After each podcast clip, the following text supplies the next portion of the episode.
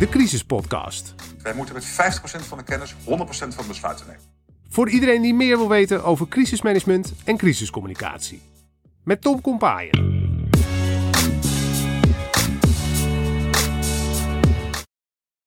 Crisis bij een bedrijf in Kenia. Wat kunnen we daarvan leren? Welkom bij de Crisis Podcast. Mijn naam is Tom Kompaaien.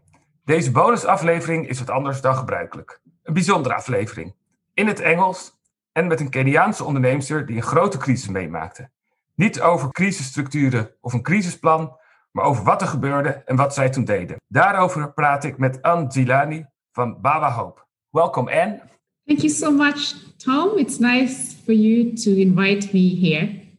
Uh, we're going to focus on the crisis you met, but first, of course, for the listeners uh, that probably don't know Bawa Hope, can you explain what kind of company Bawa Hope is? Bawa Hope is a fair trade company that was founded in the year 2008 after the post elections violence.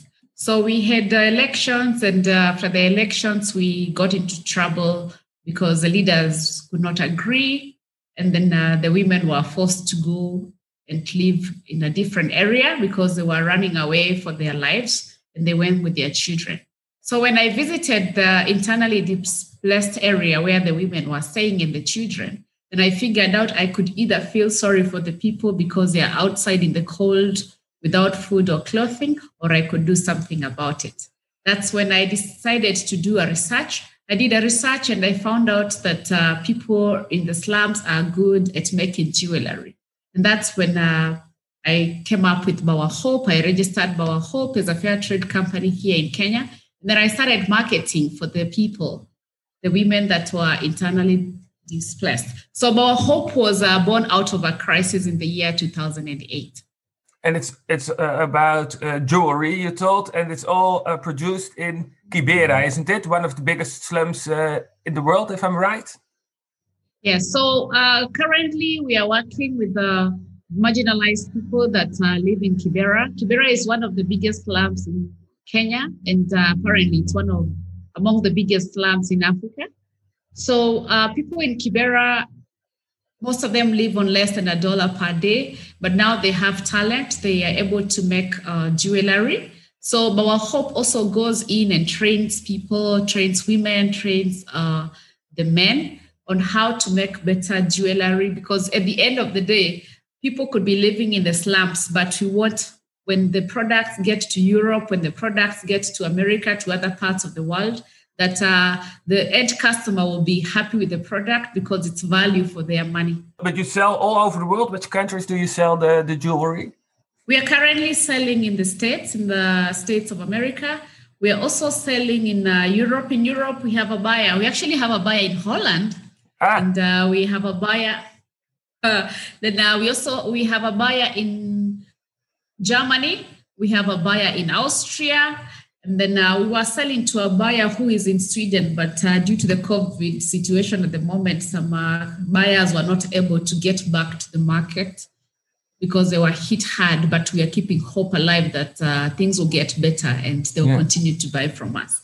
And what's your exact role in, in, in Bawa Hope? You're founder, but also coordinator. Yes, I am the founder of Bawa Hope, and uh, my bigger job at Bawa Hope is to link the artisans to the market. So, how we do that is uh, we develop new products with the artisans, and then we create a catalog. Like I create a catalog and share it out with the buyers out there, and then they're able to order based on the catalog. So, my biggest job is to link the artisans to the market across the world.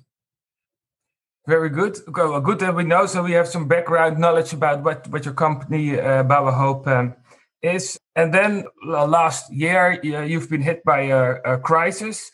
Uh, can you explain what what happened?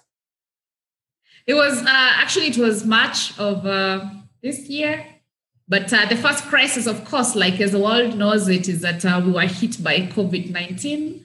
So Bawa Hope, because it's supporting so many artisans, it was not good news. COVID is not good news. COVID nineteen is not good news for Bawa Hope. So we got to have many buyers stopping to buy because the world didn't know what is happening. We didn't know how to live with the almost the new normal of the COVID 19. So most buyers stopped buying from us. So it was just one buyer who continued to buy, but in very small scale, because everybody was wondering so, should I buy jewelry or should I put a little bit of money?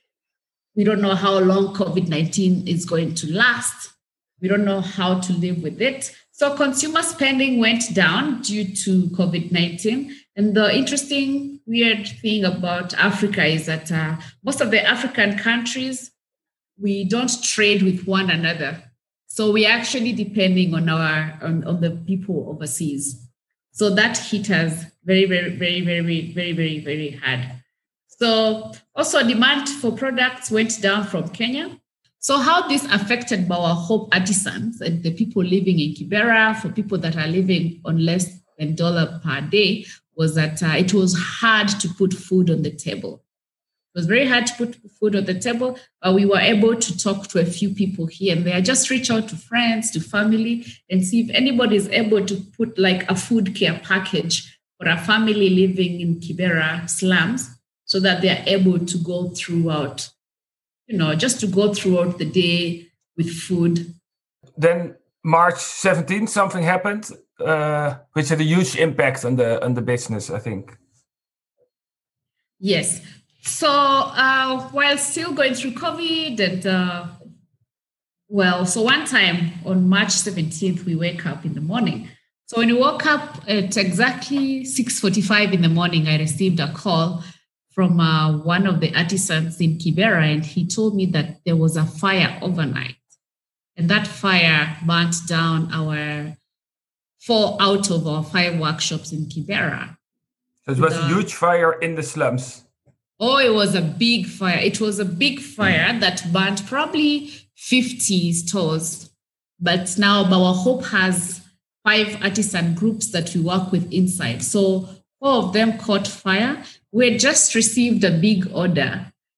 And after talking for so long and trying to negotiate with buyers to see if we are able to get work. So you can imagine after waiting for a full year to get an order, you get an order, then boom, everything is burnt to ashes. So we lost materials. We had bought materials for the customers, I mean, for, for our artisans to work with. So we lost material that was worth $38,000. And in there, we also lost machines and everything burned to the ground. So you can imagine there's COVID 19. We are struggling with food. Then now everything burns to ashes. That was quite the crisis. And the damage was, you told, 38,000 euros. Yeah, 38,000 euros. It's, it's a lot of money. Yeah. It, it can actually take a family in Africa to live through for even three to four years just by just buying food. It's a lot of money here. Yeah, because you you, you told me that people earn less than a dollar a day, so can you mention it? It was a huge impact. It was a big, big uh, impact for us to lose down the thirty-eight thousand euros, and the same time losing all the machines. You know, it's taken a whole twelve years to buy some of these machines it doesn't take a month or six months for us to be able to buy even these machines. So we've kind of like we lost like 12 years of work overnight. Everything burned to ashes, including the materials we bought, including all the machines, including the buildings, including the iron sheets, everything. Everything, yeah. everything went down to ashes. Terrible. Uh, uh, what, what, how did you hear the, that this happened?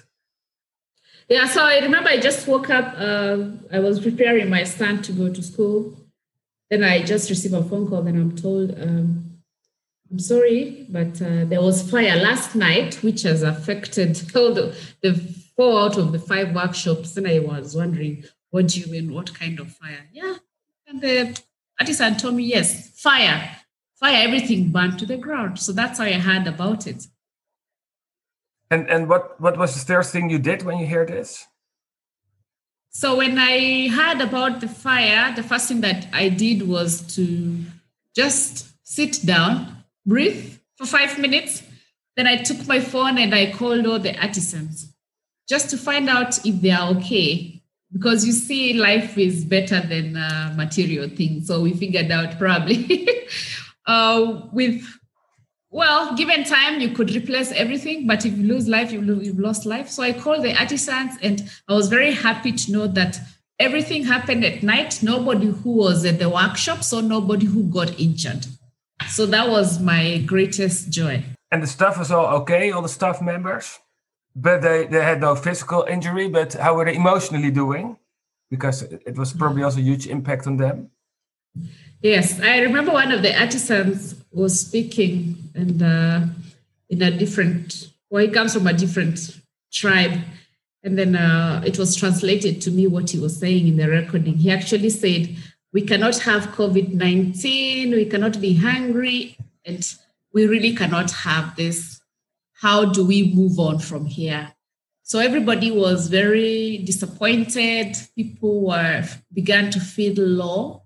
But I just took time to encourage people that, well, we've built this in 12 years. Let's just keep hope alive because what can we do?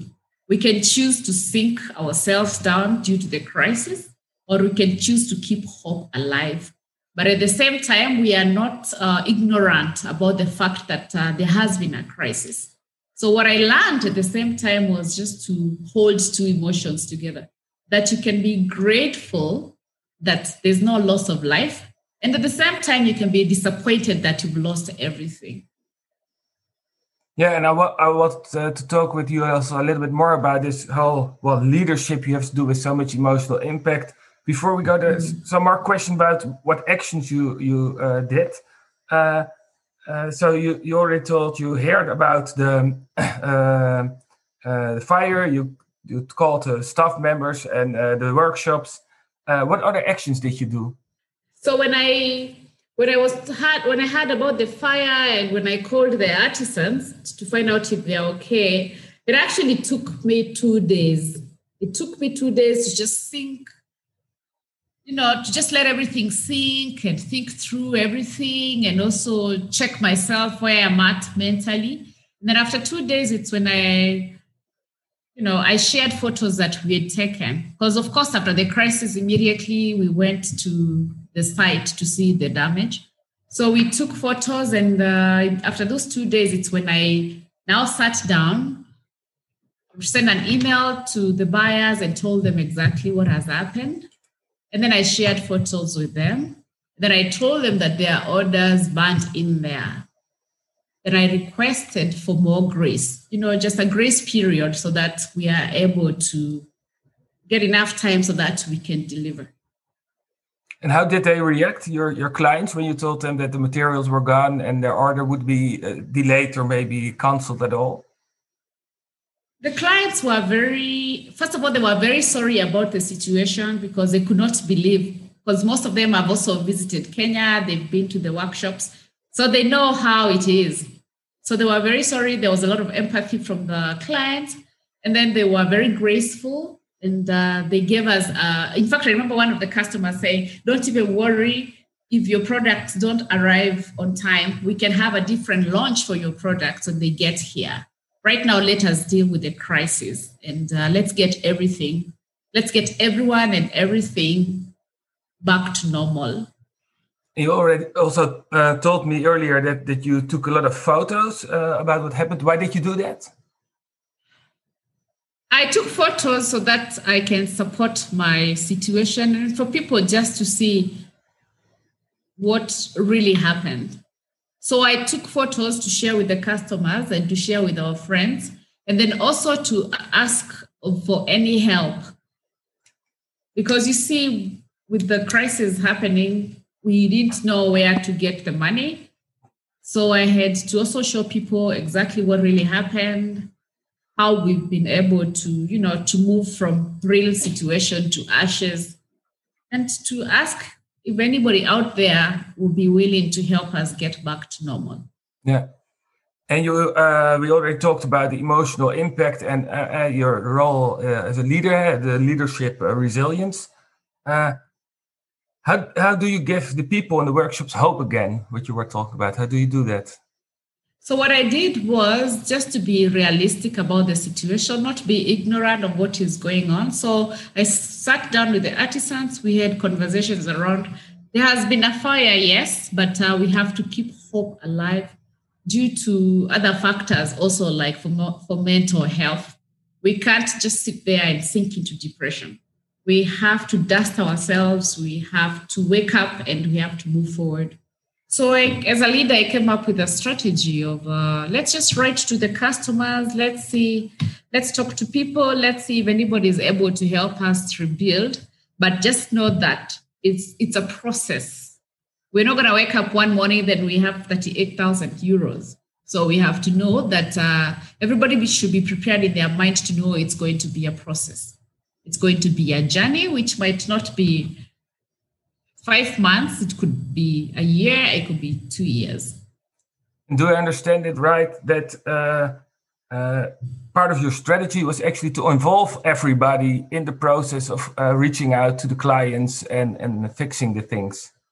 Exactly, yeah. So the job was to call people, send people emails, have Zoom calls, explain to them what has happened, and invite them to be part of the help that we need to be part of helping Bawa Hope and the artisans rebuild back. And uh, of course, it was a huge impact on yourself too. How did you stay positive yourself? Well, it was a lot. It was a lot to digest. So at one point, I remember I actually just said I I'm going to talk to a therapist just to break it down so that it's you know I can bite the situation in small chunks so I spoke to a therapist and uh, I also started talking to leaders and, you know, I started reading more positive stories. So that's how I kept positive. And then also even the artisans at one point, I remember some of the artisans called me and told me that don't worry, everything is gonna be okay. So when that artisan told me that, then I figured out, okay, fine, I don't have a choice. I'm the leader here. Everybody is looking up to me. Bawa Hope has like about 500 people that are looking up to me. So I have to just raise above the whole situation. And in rebuilding the company, where are you now in this process? Uh, how, how's the company and the workshops doing? We've been able to get a few orders moving out. We still don't have everything out. Would want to get more money for materials, would want to get more machines. So we are at the process where we are rebuilding. And uh, if people listen now to the podcast, what can they do if they want to help? If anybody wants to help, uh, I would, would be very happy and uh, would request them to, if you can support us by visiting our website. Our website, we have a website that has our COVID 19 support, a link. So you can support us through our link, our website. It's uh, You can find the link if you know of any market out there, anybody that has a shop, anybody that has a friend who has a friend who has a shop or uh, knows of an organization that imports from third world or sells jewelry, it would be nice if you can connect us with them. So we are still inviting people to come and help us so that we can recover and get back to normal and I will put the, the link of the website uh, of Bawa Hope in the show notes uh, in this uh, episode, so people can find it uh, easily. And if I'm right, you also can make a financial donation uh, on that uh, using that link, eh, what you told us about. Yes, yeah. yes, yes, yes. And I would like to thank you very much for sharing your story, and I wish you and and the people there all the very best by rebuilding um, the company. Thanks for sharing this with us. Thank you so much for inviting me. I truly appreciate the opportunity. You're welcome. Thank you. Dat was een speciale bonusaflevering van de Crisis Podcast. Ik heb een aantal interessante lessen voor crisismanagement en crisiscommunicatie ook uh, voorbij zien komen. Zet altijd je, je mensen op één. Het gaat uiteindelijk om de mensen. En denk aan de empathie en de emotie. Uh, zorg voor goed stakeholder management. Denk ook na over processen. Even stil bij hoe gaan we het aanpakken, het proces. Uh, en dat je ook jouw werknemers kan betrekken in dat proces om ja, alles weer recht te zetten. Dat het ook behalve een goede manier van werken ook een goede manier kan zijn voor nou, de psychologische impact. Ehm, het gebruik van beelden, het maken van foto's van de impact die iets, een bepaalde crisis heeft gedaan, dat je die ook kan delen met, met jouw stakeholders om die impact daar duidelijk te maken. Dat zijn een aantal lessen die ik hier in ieder geval uitgehaald heb. Dit was het einde van deze aflevering van de Crisis Podcast. De Crisis Podcast is te beluisteren op alle bekende podcastplayers, waaronder Spotify en Apple Podcast. ken je iemand die ook geïnteresseerd is in crisiscommunicatie en crisismanagement? Deel dan gerust deze podcast met hem of haar. En luister je via Apple Podcasts. Leuk als je een beoordeling plaatst. Voor nu, bedankt voor het luisteren en tot de volgende keer.